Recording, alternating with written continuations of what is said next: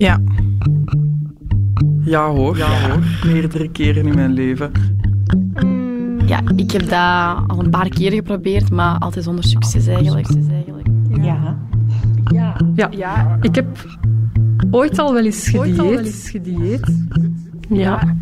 ja. ik heb al gedieet in mijn leven vroeger. Nee, is dat raar?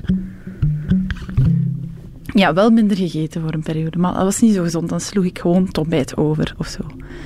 Ik weet niet of dat dan dieet is. Mm, dat ik mezelf een beetje te dik vond. Te dik vond. Toen was ik 15, denk ik. Ik heb, altijd, ik heb het heel moeilijk gehad uh, in mijn tienerjaren om mezelf te accepteren. Dus ik was daar wel heel hard mee bezig. Ik heb zo ooit van uh, Herbalife, toen, toen ik 16 of zo was, denk ik, zo van die shakes geprobeerd. Dus dat was dat twee keer per dag dat je shakes moest drinken. Um, en dan enkel s'avonds dat je een normale maaltijd mocht eten. Ze beloven zoveel, maar dat doet echt niks. Doet echt niks. Het ding is, ik eet enorm graag, dus ik vind het heel moeilijk om zo echt mijn eetgewoontes te veranderen.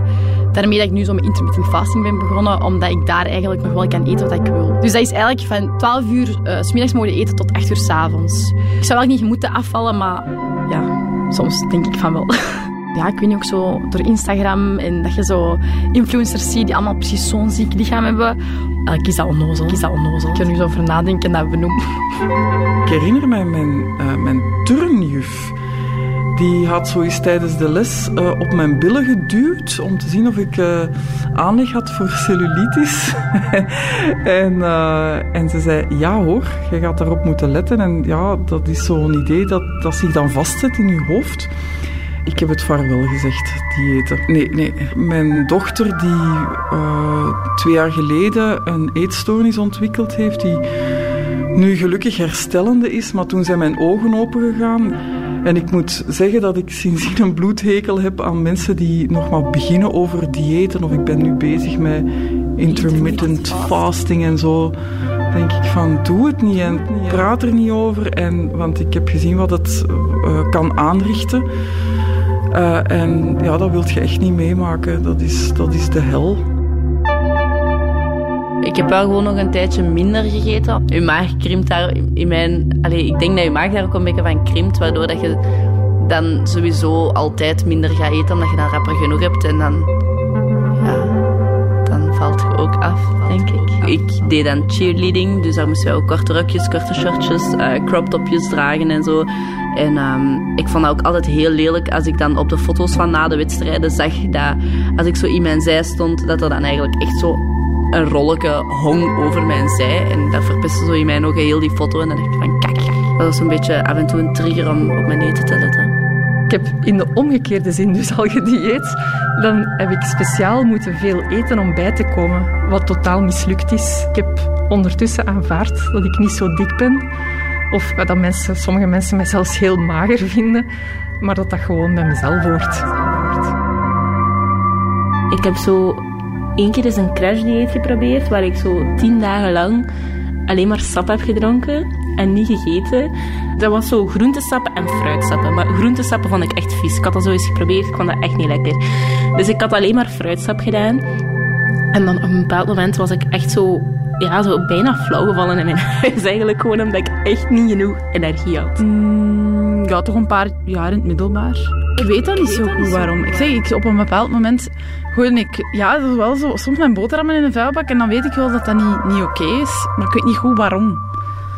Gewoon. Ja.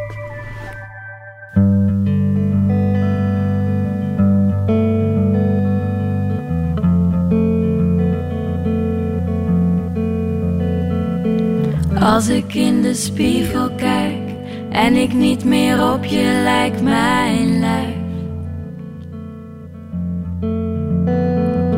Als ik in de spiegel kijk en ik niet meer op je lijk, mijn lijf. Doe ik een dansje, meisje glans maar, maak een selfie van jezelf. Eet ik een taartje, vier ik een feestje, zing ik een liedje voor mezelf.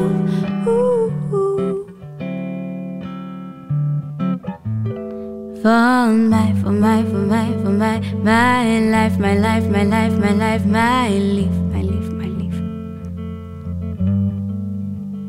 Van mij, van mij, van mij, van mij. Mijn lijf, mijn lijf, mijn lijf, mijn lijf. Mijn lief, mijn lief, mijn lief, mijn lief. Mijn. Ik ga het nooit zo mooi kunnen zeggen als dat Lisette Maneza en Roos de Naaier het zingen, maar dit is Lijf. De reeks die ik, Leila Eldekmak, maak voor Radio 1. Ze is ontstaan uit gesprekken. Intieme gesprekken met vrouwen over de druk die vandaag de dag wordt gelegd op ons lichaam. En deze derde aflevering draait rond ons eetgedrag. Want voor de een is het nooit genoeg. Voor de ander moet het altijd minder en nog anderen openen hun mond enkel voor gezond eten. We lijken wel collectief in een kramp geschoten. Wat is gezond eetgedrag en hoe beïnvloedt dat ons lichaam?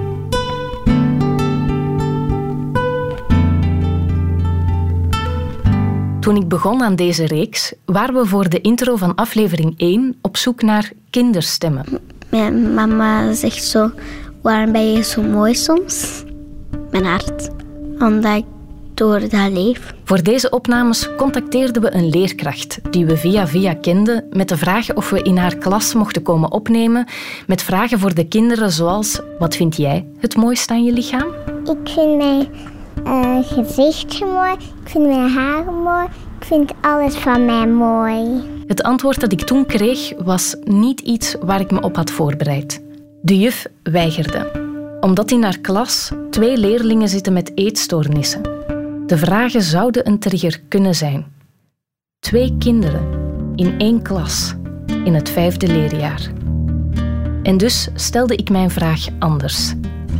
Mag ik niet bij je kinderen, maar bij jou komen opnemen? Dit is juf Eline. Ik ben Eline en uh, ik werk in een, een, school, een lagere school. En ik geef les in de derde graad. Dus dat zijn uh, bij ons kinderen van 10 tot 14 eigenlijk. Dat is een hele brede mix. We hebben heel, toch wel een aantal kinderen die ietsje molliger zijn. Um, waar je merkt dat ze eigenlijk niet meer in een gezond lichaam zitten. Um, en dat wordt ook vaak met ouders besproken. En we hebben dan ook heel snel al doorgehad dat een van de kinderen um, eigenlijk opvolging krijgt in het ziekenhuis. En dan is er nog een andere, een, een jongen. voor hem was het gewoon... Je merkte dat hij nooit zijn boterham wou eten. Het moment dat het tijd is om je tien uurtje of je boterhammen te nemen, dan gaat hij eigenlijk soms in een soort van crisis. En daar, ja, zo dat gedrag, dat, was, uh, dat maakt heel snel duidelijk dat er toch iets niet helemaal juist zit. Elke klas is heel uniek. Um, maar de klas waar ik nu in sta, zijn een aantal kinderen die echt wel niet in een gezond lichaam zitten op dit moment. Voor hun leeftijd toch zeker niet. Deze kinderen wegen meer dan ik en ik ben volwassen. Als uw situatie moeilijk is thuis merk je ook gewoon de kinderen die gedragsproblemen hebben, die gaan ook rapper bij ons, toch in onze context gaan ook sneller de kinderen zijn waar dat je merkt dat er toch een beetje een problematiek ligt. Het zit natuurlijk ook wel in een Brusselse context, wat ervoor zorgt dat de kinderen ook wel ietsje sneller in die tienermodus gaan. Maar dan nog denk ik dat het sowieso wel jong is. Ehm, de kinderen die wij in onze school hebben, zijn kinderen uit een iets armere buurt. Dus je hebt daar sowieso wel al wat extra druk en, en extra problemen thuis. En ik denk dat dat iets is waar dat gewoon minder aandacht naar gegeven wordt. Toch zeker in het begin als ze echt kleiner zijn. Tegen dat ze bij ons zijn, is dat echt gewoon opeens al een problematiek. Lagere school is nog heel jong. En dan is het zoeken hoe je daar best op reageert. Als leerkracht, als klas, als school. Vanaf dat wij dat wisten, dat er allee, toch wel een aantal kinderen of, of één kind was waar het echt wel een probleem was, hebben we ook echt een project gedaan. Wat dat sowieso meestal wel terugkomt, zijn zo gezonde voeding en gezonde levensstijl. En dat is, dat is voor sommige kinderen heel confronterend. Er was ook een jongen die, die zelf aangaf na zo'n een soort zelftestje van... Ik scoor hier eigenlijk 0 op 10 op. Mijn leven is alleen mijn ouders wij eten gewoon super ongezond, ze roken bij ons in huis, te doen. Dus die, die zelf gewoon aangaf van eigenlijk, mijn levensomgeving is een 0 op 10 waard. Um, maar dus we hebben daar wel rond gewerkt ook, omdat dat voor, niet alleen voor die kinderen die daarin zitten belangrijk is, maar ook voor andere kinderen, omdat die een levenswijze niet altijd de gezondste is bij ons in de buurt, dat dat niet zo evident is. En de kinderen die dat op zo'n moment mee dat project doorlopen, proberen we dan extra aandacht aan te geven. Maar je merkt dat dat eigenlijk... Dat ze zich niet direct altijd aangesproken voelen of zo een beetje verstoppen of, of niet zoiets hebben van ik ga mijn verhaal nu eens delen met de rest. Dat is helemaal niet zo. Die worden ook echt op hun talenten vaak wel aangesproken. Van, maar ik ben echt blij dat jij zo en dat doet en dit. Dus die worden heel veel ook wel positief nog bekrachtigd. Maar het probleem is gewoon dat die omgeving heel vijandig is waar wij in zitten. Ja, ze zijn gewoon ook heel veel op zichzelf. Onze kinderen worden heel vaak alleen ergens gelaten. Je wilt ze ook niet viseren, omdat andere kinderen daar anders ook veel meer aandacht op gaan vestigen, wat dan negatief gaat zijn. Ehm, maar er zijn gewoon heel veel momenten, bijna elke dag, dat je toch wel even moet checken van oké, waar is jouw brooddoos? En bijna elke dag is ook een gevecht voor dat kind om... Die wordt dan ergens van ons verplicht om toch een boterham op te eten. En dat is echt... Sommige dagen gaat dat heel goed. Sommige dagen is dat echt een volledige crisis dat die, dat die echt doordraait. En, en dat hangt heel veel samen met zijn, um, met zijn gevoel op dat moment, zijn emoties. Als hij een goede dag heeft, dan denkt hij daar niet aan.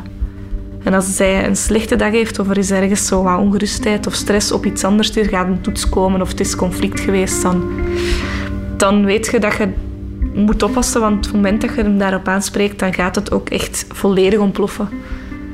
Dus het is heel moeilijk om dat echt bespreekbaar aan te pakken. Ik denk dat daar op dit moment ook bij ons op school drie mensen op aan het werken zijn op de eetstoornis. En de ouders worden daarbij betrokken, maar de ouders geven ook aan dat ze zelf thuis daar heel weinig controle op hebben.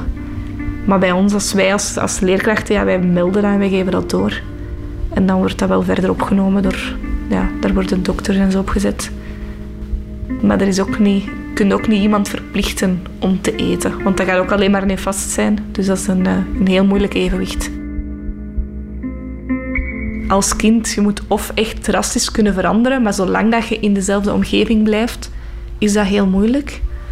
Dus ik vrees een beetje dat dat voor alle, al de kinderen die bij ons opgroeien, dat dat wel iets is dat blijft ook een beetje.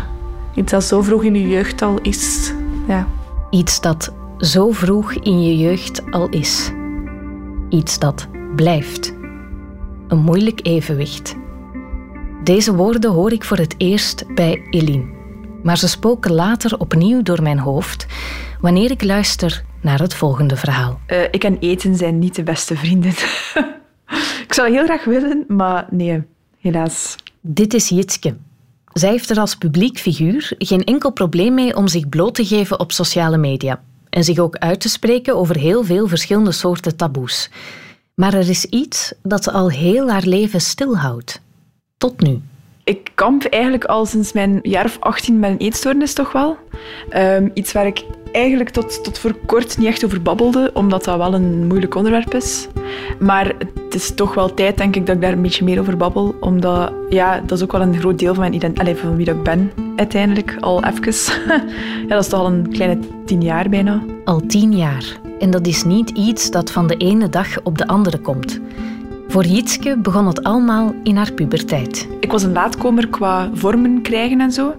Ik ben zo rond mijn zesde jaar opeens al mijn vriendinnen beginnen voorbijsteken met borsten krijgen een poep. Um, in mijn hoofd was dat direct van, oef, ja, dat is misschien wat te veel. Alleen nog steeds een heel normaal lichaam. Maar ik was zo, mijn hoofd ging niet meer mee met mijn lichaam, precies. En dan, ja, rond mijn 18, 19 ben ik eigenlijk zo een halve... Allee, was ik aan het studeren, maar ik ging heel veel uit. Ik ben een halve depressie gesukkeld. Ook mijn geaardheid die even uh, onhold stond, precies. En dat is dan veranderd naar vreedbuien. Om een duur was alles wat ik in mijn mond stak moeilijk. En dat is nog steeds wel een beetje zo. Je weet dat er ergens iets is dat misschien toch niet iedereen aan het doen is.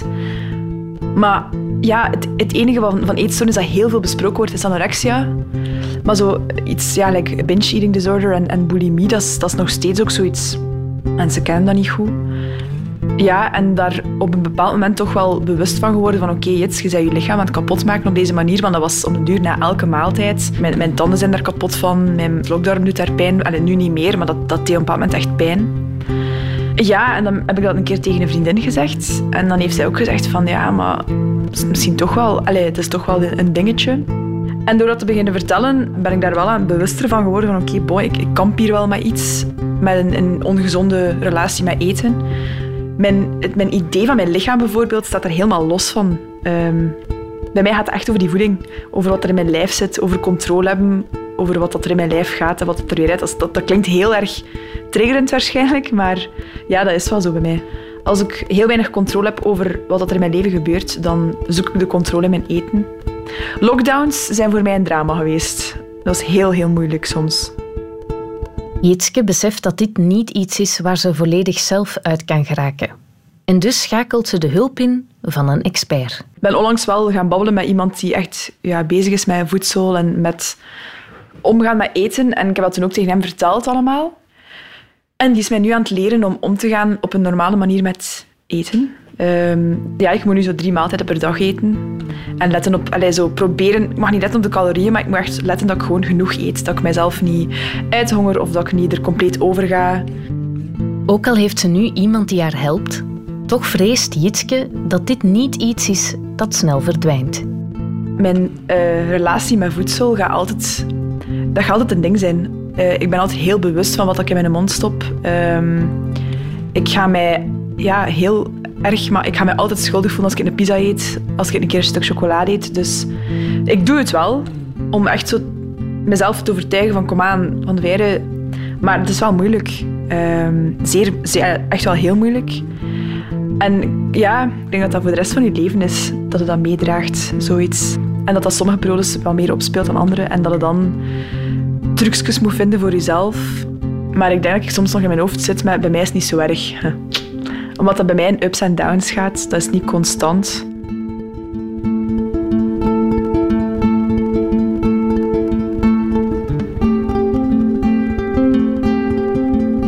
Ook al is haar relatie met eten in periodes verstoord, haar relatie met haar lijf is wel veel beter dan vroeger. Ik heb mijn lichaam wel leren accepteren ook. Mijn lichaam is mijn lichaam. Als ik nu naar mijn lichaam kijk, denk ik...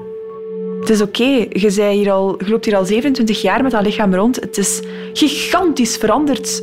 Van een, echt een pannenlatje naar pubervormen, naar even veel, veel maten groter, naar terug wat minder. En nu zie ik mijn lichaam nog steeds in heel kleine, op heel kleine manieren veranderen. Zo mijn borsten die soms wat, wat meer zijn, soms wat minder zijn. Hormonaal.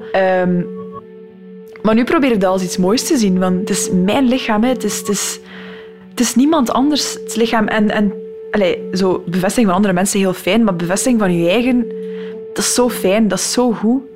En mijn eetstoornis ligt nu vooral, merk ik, in controle houden soms. Als ik mij slecht voel, uh, dan ja, is, dat, is eten mijn eerste controle. Altijd. Dus dat is heel raar. Maar ik ben wel al ergens blij dat het niet meer over mijn lichaam gaat. Uh, dat ik wel een soort van rust heb gevonden in mijn lichaam. Jitske droomt van een gezonde relatie met eten. En dat ziet er voor haar zo uit. Daar niet moeten over nadenken. Um, allee, dat echt iets, zo de ijskast open doen en zo bijvoorbeeld een. Uh, ik eet vrij graag rijstpap. een rijstpap gezien en denk, oh, het is, het is ik heb zin in een rijstpapje. En dat opeten en me dan niet schuldig over voelen. Dat zou fantastisch zijn. Gewoon dat. Dat, dat, zo, dat hongergevoel, dat dat geen overwinning is, maar dat hongergevoel gewoon... Ik heb honger, ik ga eten. Dat zou fantastisch zijn. De, de meest natuurlijke manier, denk ik. Op dit moment in het gesprek bij Jitske aan tafel val ik even stil. Mijn brein denkt gewoon honger, eten. Zonder nadenken, zonder kink in die verbindingskabel. Ik vraag Jitske wat haar zou geholpen hebben. Wat had de puberende Jitske nodig gehad om dit te kunnen vermijden? Misschien een 28-jarige uh, Jitske die zei van hey, ik zie er zo uit, uh, dit is oké, ik ben openlijk gay en, en ik toon mijn borsten en mijn kont op sociale media om duidelijk te maken dat dat ook normaal is. Want toen werd dat niet getoond. Um, toen hadden de reclameborden nog steeds van... En er waren altijd dezelfde soort lichamen. Ik zag mijzelf niet gerepresenteerd. Dus het zou geholpen hebben, denk ik, om toen te kunnen zien van... Ah ja, oké, maar wow... Zo, die persoon heeft ook mijn vormen. Dat is kei leuk. Ik ben dan toch niet zo abnormaal, want die persoon staat ook in een boekje. Echt, alles begint bij bewustmaking. Dat het bestaat en dat erover mogen babbelen en dat je je niet kapot moet schamen. Um, dat er iemand op school rondloopt, zo van CLB, die dan gespecialiseerd is in, in eetstoornis, nog een eetgewoonte, of hoe dat naar eten kijkt, of daar een les over krijgen van oké, hoe kijkt jij naar eten, naar je gesprekken met je, met je leeftijdsgenoot. Ik wist ook dat niet van mijn vriendinnen zo, hoe ze naar eten keken. Ik dacht, ja, we kijken allemaal zelfs naar eten, maar dat is, dat is niet waar, denk ik. En dat dat woord eetstoornis misschien verandert. maar ik weet echt niet hoe dat het zou moeten veranderen. ja, het is een ziektebeeld, hè, maar ja, toch maakt het dan ja, makkelijker om erover te babbelen ehm, dan dat er zo stoornis erachter, erachter gooit. Maar ja, ik heb er zelf geen antwoorden op, maar dat zou wel goed zijn.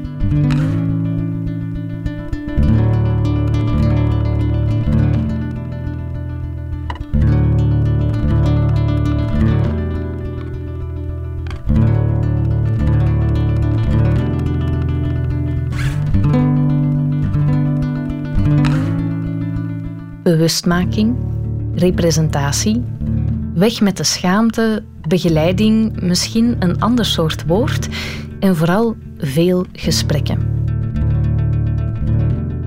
Van kinderen in de klas bij Juvelin tot de puberende en volwassen Jitske. Zij, net zoals wij allemaal, worden constant gebombardeerd met beelden en berichten. Media en magazines profileren zich nu steeds meer als voorstanders van gezonde lichaamsbeelden. Ze zijn massaal op de kar gesprongen van de body positivity movement. Het idee dat je lichaam iets is om te vieren, zoals het is. En dat eten ook daar een essentiële rol in speelt. Dus stuurde ik mijn stagiaire Marie op pad om samen met haar lief Jana onze magazines te doorploegen. Want zijn onze magazines op dit moment wel echt de pleitbezorgers van een gezond lichaamsbeeld? Okay, we zijn aan de standaard boekhandel en we gaan op zoek naar vrouwenbladjes. Ja, dat klopt. Let's go. Het eerste wat we doen is... Handen aan het smitten. Mm. Ja, er is kei veel, hè. Dora Flair, Libelle, Fashion Chic for Girls Only, Vogue, Feeling. Dit betekenen je kilo's echt. Cosmopolitan. Single Forever, 50 and Me. Hier met vijf beauty toppers. Ah, moesten we nu niet een dingen, dat pornobladje? Maar dat is echt geen vrouwenblad, hè? Misschien wel een vrouwenvriendelijk blad. Hoeveel boekjes hebben we op dit moment?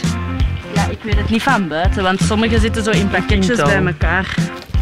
We hebben er heel veel. Met de kaart, alsjeblieft. Ja. We hebben besloten om het buiten in het park op te nemen.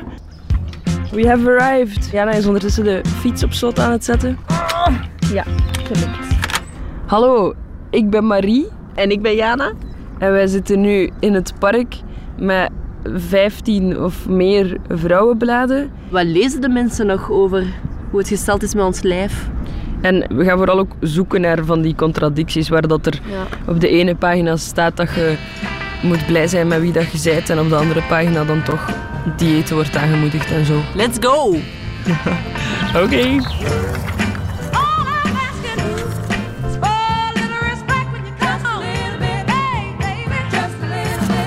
Vegan tegen buikvet. Afvallen en toch lekker eten. Oh! Wie heeft het niet? Herpes. Door overgewicht raakt de afweer uit balans. Next one. Het staat overal. Body positivity, self-love, be kind, be positive. Oh, Ik ben het ook echt. En dat is vooral te wijten aan het buikvet. Ik denk dat dit echt het zotste is wat ik vandaag al gevonden ja. heb. Afvallen, maar niet crashen. Min 5,2 centimeter heupomtrek. Minder eten, kleinere tumoren. Ik ga even wandelen. Aandacht voor wat je in je lichaam voelt zonder oordeel en zonder verwachtingen. Wil ik het weten hoe laat het is? Nee. Zeg maar. Half zeven. We zijn gewoon al vijf uur boekjes aan het lezen. Het, uh, het moment van de waarheid. 10, 11, 12, 13, 16. 17. Oké, okay, we hebben 17 uh, vrouwenbladen doorgenomen. Ja. We hebben daar zes uur over gedaan of zo. We dachten ook echt dat het veel sneller ging gaan, maar je wilt ergens ook wel weten wat er juist staat en niet enkel de kop lezen. Ja. We hebben gelachen, geweend, bloed, zweet en tranen, maar we zijn erdoor. Het juryrapport ligt hier voor ons. Jij mocht starten, Jana. Dus overal zijn er in bijna alle boekjes heel veel body positivity, body neutrality. Het komt allemaal zo wel aan bod. Maar er staan nog altijd op de cover allemaal slanke vrouwen. En nu vind ik het eigenlijk nog opvallender. We hebben ze hier dus allemaal in een halve cirkel voor ons gelegd, de boekjes. En eigenlijk is er denk ik maar één boekje waar dat iemand van kleur op de cover staat. Alleen Huda Katan. En ook allemaal met lang haar bijna. Twee boekjes waar ook uh, plus-size modellen op staan. Maar bij het ene boekje is het plus-size model zo in beeld gebracht dat het eigenlijk geen plus-size model lijkt te zijn. Ja, diëten, dat hadden wij allebei wel verwacht dat er nog veel in ging komen. En dat is dus niet het geval. Er wordt nu heel veel gesproken met doe dit om gezonder te worden, fitter. Energiek. Energiek is ook zo'n woord dat constant valt. Het is eigenlijk zo wat mooi gemaskeerd, maar het blijft zo precies nog wel hetzelfde betekenen. Exact. Goed. Gaan we nu eens beginnen aan de, de uitspraken en de zinnen en de uh, contradicties die we hebben gevonden in de boekjes. Ik ben er helemaal klaar voor. Ja, ik ook. Goed gevoel. Ja, het was een heel groot artikel over je lichaam. Kunnen we alsjeblieft alle lichamen normaliseren? Body neutrality, aanvaard je lijf, focus hoe je ervoor zorgt. En dan wat verder staat er de strijd tegen de vetjes. De feeling. Dus over het algemeen een vrij divers boekje. En er staat ook een heel stuk in over ons gewicht waarin dat experts praten over dat de norm toch een beetje aan het veranderen is en dat dat goed is. En dan ontkrachten ze dingen als BMI en zo.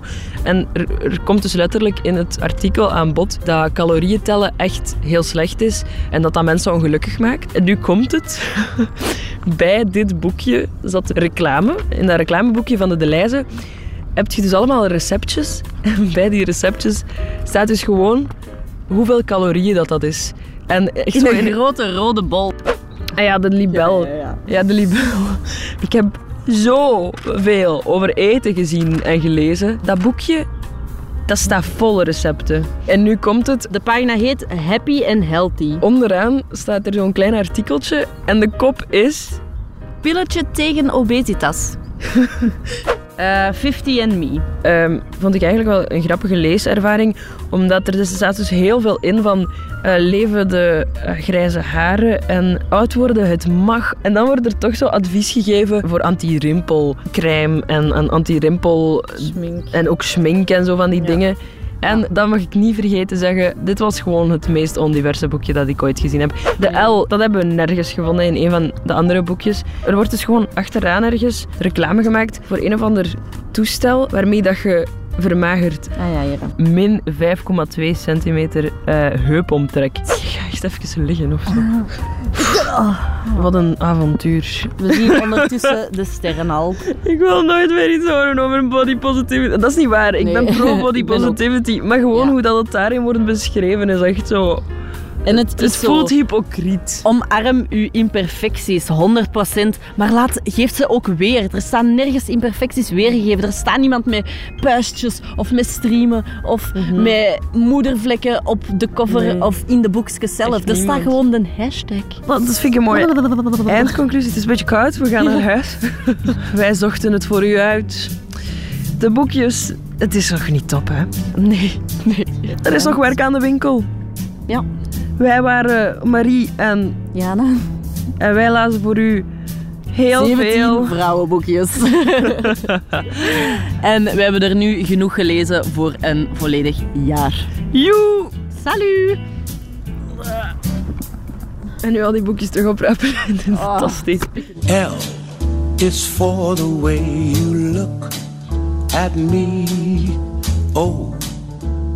Net op het moment dat ik diëten en alle aanverwante praktijken overboord wil gooien, ontmoet ik Daisy. Uh, ja, momenteel voel ik me eigenlijk redelijk goed in mijn lichaam. Uh, ook omdat ik de laatste tijd, uh, tijdens de tweede lockdown, moeite heb gedaan om een beetje af te vallen. Ik ben gestart met een dieet, omdat ik wel vond permanent dat ik zo enkele kilo's te zwaar was. En dat bleef zo'n beetje een constante. Niet dat ik me daar super slecht bij voelde of ik kreeg daar geen opmerkingen over of zo, maar ik merkte zo van ah, bepaalde broeken beginnen te spannen en bepaalde, alleen in bepaalde outfits voel ik me iets minder goed. Ja, ik heb daar nu zo'n beetje een routine in ontwikkeld. En ook zo niet, niet echt dwangmatig, want bijvoorbeeld gisteravond had ik dan toch uh, mijn knuffelcontact op bezoek, een koppel. En uh, dan hebben we Mexicaans besteld en een dessertje. En, en ik heb wel zo het gevoel dat ik... Allee, dat ik het kan beperken tot de dagen dat ik, dat ik nergens naartoe moet of dat ik, niet specifiek uh, met iemand iets ga eten of zo.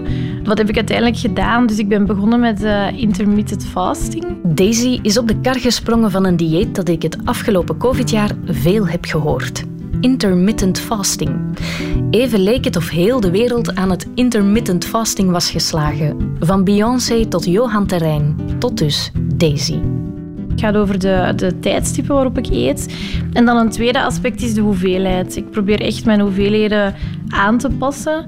Uh, ja, en dan natuurlijk uiteraard wat ik eet, daar probeer ik ook wel een beetje op te letten. Maar daar ben ik eigenlijk iets minder strikt in. Dus dat, ja, dat werkt wel. Maar als we diëten, is dat dan echt een keuze die volledig bij onszelf ligt?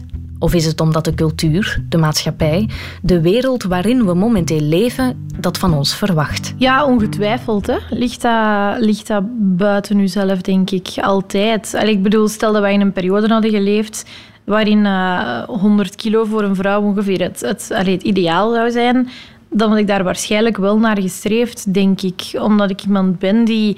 Ja, ik krijg graag complimenten. En ik moet toegeven, de laatste tijd hoor ik dan soms van, van vrienden en kennissen van... Ah, ja, je bent afgevallen, je ziet er goed uit. En ja, dat is wel zo'n beetje een boost. Hè? Zo van, ah ja, ik ben goed bezig, ik kan nog even verder doen.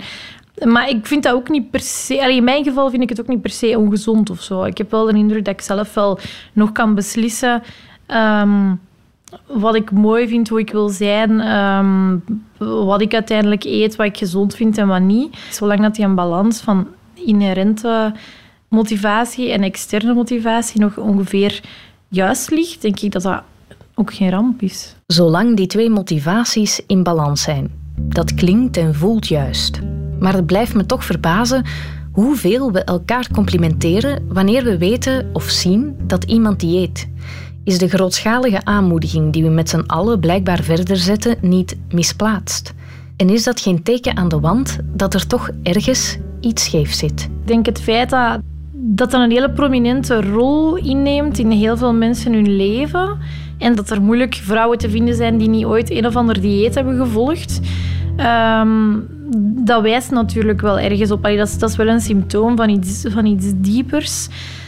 Maar anderzijds vind ik het wel. Ik vind het feit van een dieet volgen op zich niet verkeerd. Allee, want ik denk, er zijn ook heel veel mensen die, die suikerverslaafd zijn, die, die frisdrankverslaafd zijn, die alcoholverslaafd zijn. Allee, het feit van met je lijf bezig zijn en een gezond, fit lichaam willen hebben, ja, daar is niks mis mee. Zolang het samengaat met Um, een verbetering op geestelijke en lichamelijke gezondheid lijkt het mij perfect om met uw lichaam bezig te zijn. Maar als het daar afbreuk aan doet, ja, dat, dat kan nooit de bedoeling zijn. Dus, uh... Hier zegt ze iets dat bij mij nog lang nazindert. Een dieet hoeft niet slecht te zijn, maar mag nooit afbreuk doen aan de geestelijke of lichamelijke gezondheid. Laten we dat als leuze nemen.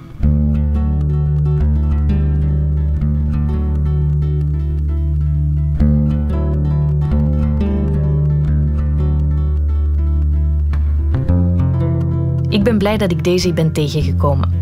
Al was dat eigenlijk vanwege een totaal andere reden. Maar het is blind, hè? Allee, ik bedoel, ik zeg visuele beperking omdat ik het over mensen heb die ook zwaar slechtziend kunnen zijn. Maar in mijn geval... In haar geval, Daisy is blind. En dus was ik nieuwsgierig. Want we krijgen nog zo vaak te horen... Ah ja, maar dat ligt aan onze beeldcultuur, aan al die reclame, sociale media. Dus wou ik weten hoe dat dan was voor iemand die niet kan zien. Maar dan zegt Daisy meteen iets ongelooflijk belangrijks. Maar ja, het is moeilijk om aan te ontsnappen. Allee, ik bedoel, ja, het is wel vrij alomtegenwoordig natuurlijk. Het is alomtegenwoordig. Het is moeilijk om aan te ontsnappen. Ook voor iemand die niet kan zien, is dit een wereld waarin heel duidelijk wordt gemaakt hoe een goed lijf er hoort uit te zien. Haal die beeldcultuur weg en het plaatje blijft overeind. Je hebt nog altijd de vriendinnen op school, de gesprekken op je werk, de opmerkingen op straat, de verwachtingen van anderen, de media en ga zo maar door. Ik vraag haar of er dingen zijn waar ik waarschijnlijk niet bij stilsta, die ongetwijfeld een impact hebben op haar lichaam als blinde vrouw. Ik denk dat het een zekere onzekerheid met zich kan meebrengen. Het feit ehm, dat ik mijn eigen lichaam uiteindelijk niet kan zien. Natuurlijk, ja, je eigen lichaam is bij uitstek iets waaraan je kunt voelen en op allerlei manieren uh, kunt exploreren. Maar allee, het feit van, hey, kijk in de spiegel, blijft natuurlijk altijd wel achterwege. Wat dan maakt ja, dat je soms wel onzeker voelt van bijvoorbeeld ook in bepaalde kledingstukken. Van, allee, past dit misschien niet bij mijn figuur? Of, zie ik hier, hier dik uit of juist niet? Of, allee, dat is iets dat je normaal gezien in alle discretie voor je eh, op een feestje aankomt of voor iemand ontvangt in je badkamer op je eentje een keer exploreert en je, je wisselt desnoods drie keer van outfits, allee, totdat je zelf tevreden bent. Ja, dat is er natuurlijk hier niet bij. Dus ik probeer ook wel bijvoorbeeld aan mijn vriendinnen te vragen van, ah ja, wat vind jij? Staat mij dat of niet? Um, ja, ik zeg het, die eerste check valt weg. En dat is eigenlijk wel iets heel belangrijks. Ja, dat geeft je ook zelfvertrouwen. Hè? Allee, dat geeft je het idee van, ik weet hoe ik eruit zie als ik ergens naartoe vertrek. En dat... Ja, als dat wegvalt, dat is wel... Um, toch vrij determinerend, denk ik. De veiligheid van jezelf eerst te zien voor je naar buiten gaat. Ik heb erop gelet. Ik doe het elke keer. En zo zijn er nog dingen waar wij niet bij stilstaan, onterechte vooroordelen die zij ervaart. Dat mensen toch nog altijd zo ervan uitgaan dat je iets onverzorgder bent of zo, of iets minder, ja, minder met je uiterlijk bezig. Allee, ik heb al heel veel bijvoorbeeld zo de vraag gekregen, en dat vind ik dan wel fijn, uh, tot op mijn werk toe van met een baas. Van, ja, je ziet er wel altijd super verzorgd uit. En, en zo mooie combinaties van, van, van, ja, van kleren en zo. En hoe, hoe, hoe doe jij dat? En dat is op zich natuurlijk een kei begrijpelijke vraag. Maar ik denk dat daar misschien dan ergens wel een vooroordeel onder zit van ja, die mensen zijn daar minder mee bezig of zijn ja, dat is minder belangrijk. Ja, ik ben nu gewoon ook, als ik wel goed zou kunnen zien, zou ik ook iemand zijn die heel veel uh, met haar uiterlijk bezig is. En, en allee, ja, ik vind dat gewoon ook leuk om te, om te doen. Ik heb echt een, een gedacht van hoe dat een vrouw er moet uitzien en hoe dat ik er zelf wil uitzien. En dat is niet super mager. Dat is niet het ideaalbeeld waar ik naar streef. Dus op dat vlak allee, probeer ik daar ook wel niet te beïnvloedbaar in te zijn.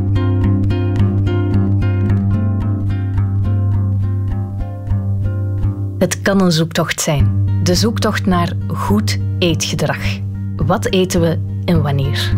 Gunnen we onszelf de zoete zonde, de vettige hap, of grijpen we toch maar best naar het slaatje?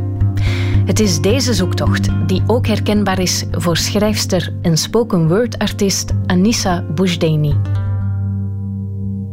Amandel gevuld en honing gedipt. Mijn lichaam verzet zich tegen mij en vormt plots rode, droge plekken op mijn huid, die volgens mijn huisarts stress gerelateerd zijn.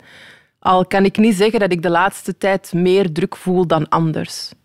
Of minder. Dat mijn lichaam er misschien na al die jaren nu pas op reageert.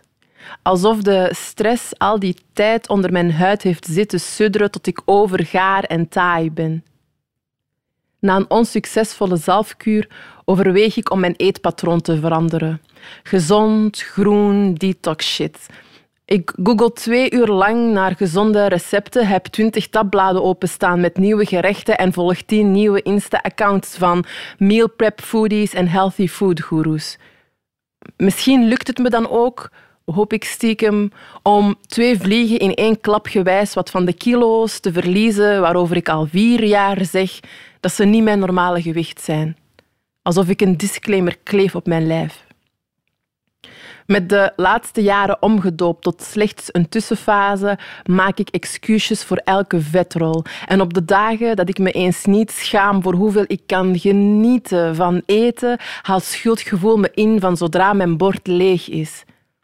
Maar overmorgen sluit ik de tabbladen met nieuwe gerechten en ontvolg de meal prep foodies en healthy food gurus. Want overmorgen vind ik opnieuw dat ik niet zo hard moet zijn voor mezelf. Dat ik meer moet leren leven, dat er vreugde zit in koken en dat roomrijke pasta's, Jeroen Meus beboterde cakes en Shumishaanse maaltijden daarbij horen. Filodeeg gevuld met een amandelpasta en gedipt in honing. Het zijn mijn favoriete Marokkaanse koekjes. En niet iedereen die probeert is gezegend met de kunst ze te maken. De vulling te droog, de honing te rijkelijk, het onnodige gebruik van rozenwater. Op mijn laagste woog ik 57. Een periode van verdriet die mijn eetlust deed verdwijnen en tegelijkertijd vond ik net daar wat blijheid in. Dat ik geen zin had in de bestelde paellas in ons Spaans vakantiehuisje en dat daardoor mijn buik ook steeds meer ging krimpen. De leegte in mijn maag vulde zich met een misplaatste trots. Ondertussen voel ik me niet beter, maar doe ik het omgekeerde. Binge eten op zwaardere dagen. Met gemis denk ik terug aan de 57 maanden en vergeet daarbij dat ik toen niet gelukkiger was.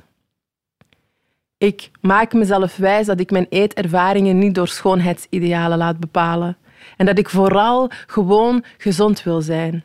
Dat een kom fruit evenveel deugd doet als een vettige burger. Dat ik evenveel geniet van nootjes als van een reep chocolade of een zak chips. Maar ik lieg. Ik wil mijn leven ontwikkelen in filodeeg. Vullen met een amandelpasta en onderdompelen in honing. Ik wil geloven dat ik soms zoete dingen verdien. Zoete dingen verdienen. Zoete dingen verdienen.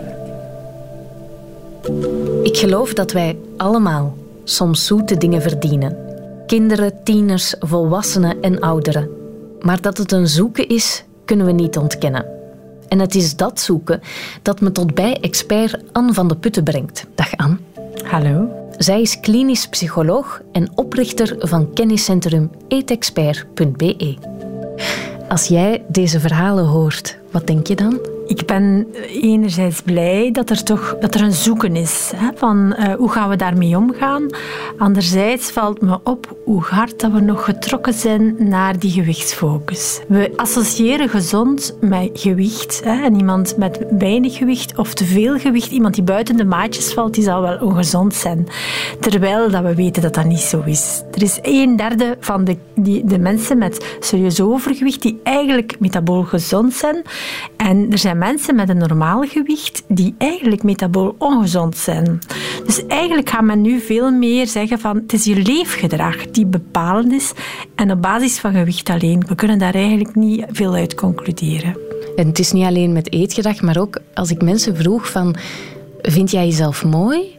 Dan linken zijn mooi ook aan gewicht. Ja, een beetje de mythe van de maakbaarheid. Wij hebben het gevoel dat als we maar uh, alleen genoeg willen, dat we kunnen ons lichaam maken zoals dat we het willen. Ja? Maar dat is niet. En we doen ook onrecht aan ons lichaam, want ieder lichaam is anders en ontwikkelt zich anders. Onze erfelijke stam is anders. Dus in die zin, die maakbaarheid is veel kleiner. Het gaat er vooral om van hoe kunnen we op een goede manier leren omgaan met dat lichaam, dat lichaam waarderen. Uh, hoe kunnen we een stukje dat lichaam ook verwennen voor wat het allemaal, waar, waar het ons allemaal naartoe brengt, wat het met ons doet. En een stuk een weg zoeken om voluit te groeien met al die troeven dat we hebben. En iedereen heeft andere troeven, maar die zijn niet altijd geassocieerd met dat uiterlijk. Ja. Ik vond het ook opmerkelijk. We zijn de straat op gegaan en het was onmogelijk bijna om een vrouw te vinden die nog nooit heeft gedieet. Wij vonden er maar eentje en die zei dan: Is dat raar? Is dat raar? We zitten in een cultuur waar dat er heel veel um, dieetgedrag is, hè, lijngedrag. Hè, van, we krijgen het met de paplepel ingelepeld. Die, die culturele waarden van uh, lijnen, slank zijn, het zit er heel diep in. En tegelijk ja, is het niet zo duidelijk voor veel jongeren wat dat gezond leven is. Als ik de vraag stel in derde middelbaar, wat is gezond leven? Dan gaan ze waarschijnlijk zeggen, dat is um, veel water drinken, veel groentjes eten en um, veel bewegen. Maar is dat zo? Is water drinken en groentjes eten en veel bewegen synoniem voor gezond zijn? Dan zeg ik nee. Want ik ken heel veel jongeren die daarin een stukje gaan ontsporen die te veel water drinken en te gezonde groentjes eten, maar niet meer gevarieerd. Dus moeten we eigenlijk een stukje terug naar de basics. En we hebben een heel mooi kader daar rond die ons helpt, die ook heel goed te onthouden is. Dat zijn de vier G's. Ja. En dat is eigenlijk, als we kijken naar eetgedrag, wat is gezond eetgedrag? Wel, dat is niet meer zo kijken naar wat hij eet, maar veel meer kijken naar de eetvaardigheden die je ontwikkelt. De vier G's, dat staat voor eten moet gezellig zijn, eten mag gevarieerd zijn, eten mag genoeg zijn en eten mag gestructureerd zijn. Die vier G's. En wat wil dat zeggen? We moeten genoeg eten in functie van wat ons lichaam en onze groei vraagt. Er zijn momenten dat je sneller groeit en er zijn momenten dat je trager groeit en dat je lichaam ook minder nodig heeft. Eten mag gestructureerd gaan. Dat wil zeggen, eigenlijk moet je uh, om de drie uur ongeveer iets eten als je lichaam presteert. Ja? En van het dat je opstaat tot dat je gaat slapen, heb je van alles dat je doet. Dus eigenlijk het makkelijkste voor je lichaam is als je om de drie uur iets eet. En gevarieerd, dat wil zeggen van eigenlijk is alles oké, maar het een heb je meer nodig dan het. En onze voedingsdriehoek geeft een beetje raad wat dat je meer nodig hebt en minder nodig hebt. Gevarieerd wil ook zeggen dat je durft nieuwe dingen proberen. En gezellig wil dat zeggen dat je eigenlijk niet helemaal verstijft en krampachtig aan tafel zit als er iets anders is dan anders. Het wil zeggen dat je open staat voor nieuwe dingen en dat je daar op een makkelijke manier mee kunt omgaan. En je ziet in januari een lange feestmaaltijd, dat je daar niet zo schuldig over voelt. Het rijstpapje voor Jitske. Het rijstpapje voor Jitske, ja. Jitske beseft, ja, dat gaat voor de rest van mijn leven zijn. Juvelin zegt ook te vrezen dat dat een blijvende problematiek is voor haar betrokken leerlingen. Is dat zo? Ik denk dat niet. Nee, ik werk al 30 jaar met mensen met eetstoornissen en ik merk van het is uh, geen gemakkelijke weg om, als je echt een eetstoornis hebt, om dat te verlaten. We weten 70% van de mensen herstellen. Er zijn er maar 30 die snel herstellen. Voor veel is dat werk van jaren. Maar ik heb er ook al heel wat gezien die inderdaad na jaren een heel andere weg gevonden hebben en die dat wat achter zich gelaten hebben. Dus het kan wel. Um, gezond leven is ook iets wat je kunt leren. En dat wil niet zeggen lijnen, dat wil niet zeggen heel wat gaan bewegen. Gezond leven is eigenlijk alles. Dat is de A van afwisselend eten, de L van lang stilzitten, dikwijls onderbreken en genoeg bewegen, de L van lief zijn voor jezelf en tevreden zijn, de E van iets doen met je emoties en voldoende slapen. Dat zijn belangrijke ingrediënten voor een gezonde leefstijl. Ja. Eigenlijk moeten we lief zijn voor ons eigen en ons lichaam aanvaarden. Onze emoties leren toelaten. Als ik me niet zo goed voel, in plaats van dan te grijpen naar eten en een eet buiten doen of juist niet meer te eten, is het eigenlijk belangrijk dat we manieren leren kennen om met emoties om te gaan. Niemand wordt daarmee geboren, maar je kunt dat wel leren ontdekken en ouders en opvoeders kunnen een stukje helpen uh, ontdekken daarbij. En ook slapen. We vergeten het soms, maar nu slapen we allemaal veel te weinig. Het blijkt dat slaap, genoeg uren slaap, acht uur voor een volwassene eigenlijk, is iets heel belangrijk. onderzoek toont zelfs dat we niet alleen sneller obesitas krijgen als we te weinig uh, slapen, maar dat we ook sneller dementie ontwikkelen, dat we sneller uh, helemaal um, ja, hormonaal ontregeld geraken. Dus op heel veel vlakken heeft het een invloed. Ik kreeg ook veel de vraag tijdens het maken van deze aflevering van mensen van ja, ik heb een naaste waarvan ik vermoed dat er een eetstoornis zit. Hoe benader ik dat best? Ik denk bij het benaderen van een naaste dat juist heel belangrijk is dat ook al ben jij zelf heel bezorgd en een beetje in paniek misschien, dat je die naaste niet gaat reduceren tot een eetstoornis. Die naaste is iemand in volle groei die misschien nog 70% heel gezond aan het groeien is en die 30% hapert. Hè, van. En het is ook oké als je uh, daar iets wil van zeggen, maar gebruik daar geen diagnoses, beschrijf concreet gedrag, maar praat daar ook niet altijd over. Hè, van, doe ook activiteiten waar dat die uh, broer of zus of vriendin gewoon in haar kracht kan staan. Ook al is er een eetprobleem, het, ze is geen eetprobleem.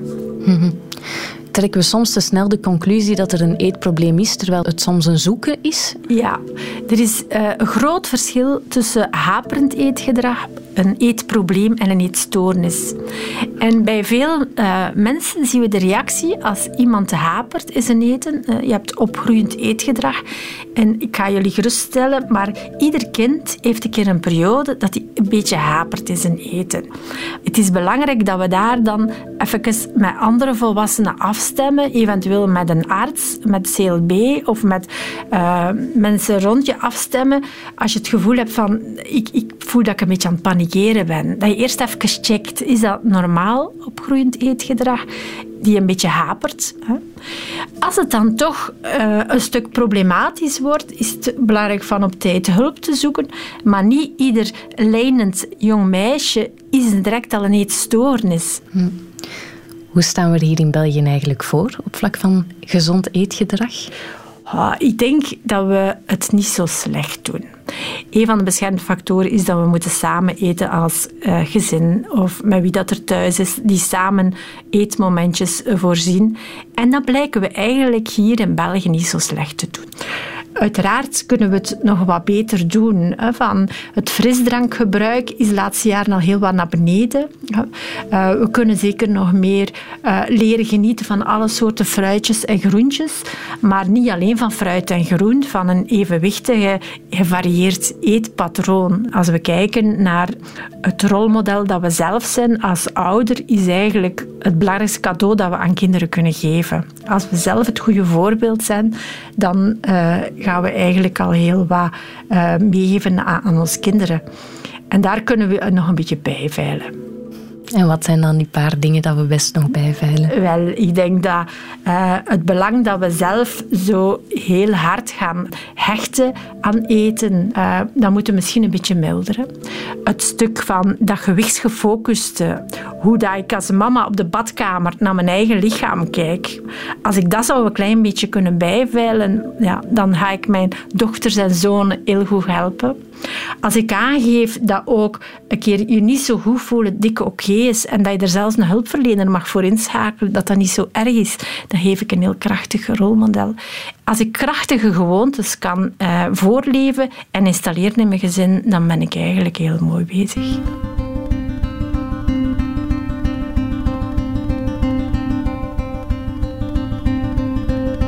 Dit was de derde en voorlopig laatste aflevering van Lijf. Zolang het samengaat met een verbetering op geestelijke en lichamelijke gezondheid, lijkt het mij perfect om met uw lichaam bezig te zijn. Maar als het daar afbreuk aan doet, ja, dat, dat kan nooit de bedoeling zijn. Een podcast van Radio 1, gemaakt door mezelf, Leila Eldekmak en wonderstagiaire Marie van Uitvank. Oh, wat een avontuur. We hebben de tips van expert Anne van de Putten handig voor je opgelijst in een artikel op radio radio1.be. Echt alles begint bij bewustmaking. Dat het bestaat en dat erover mag babbelen en dat je je niet kapot moet schamen. Eindmixage door Filip Maas. Het Schone Lijflied is van, van mij, van mij, van mij, van mij. Lisette Maneza en Roos de Naaier.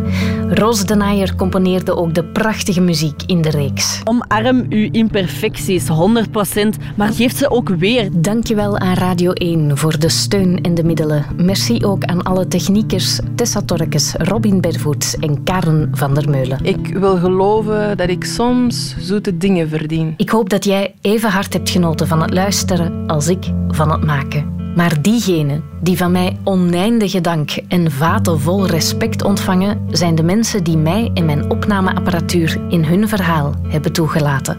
Zonder jullie geen lijf. Van mij, van mij, van mij, van mij, mijn lijf, mijn lijf, mijn lijf, mijn lijf, mijn lief, mijn lief, mijn lief, mijn lief, mijn lijf.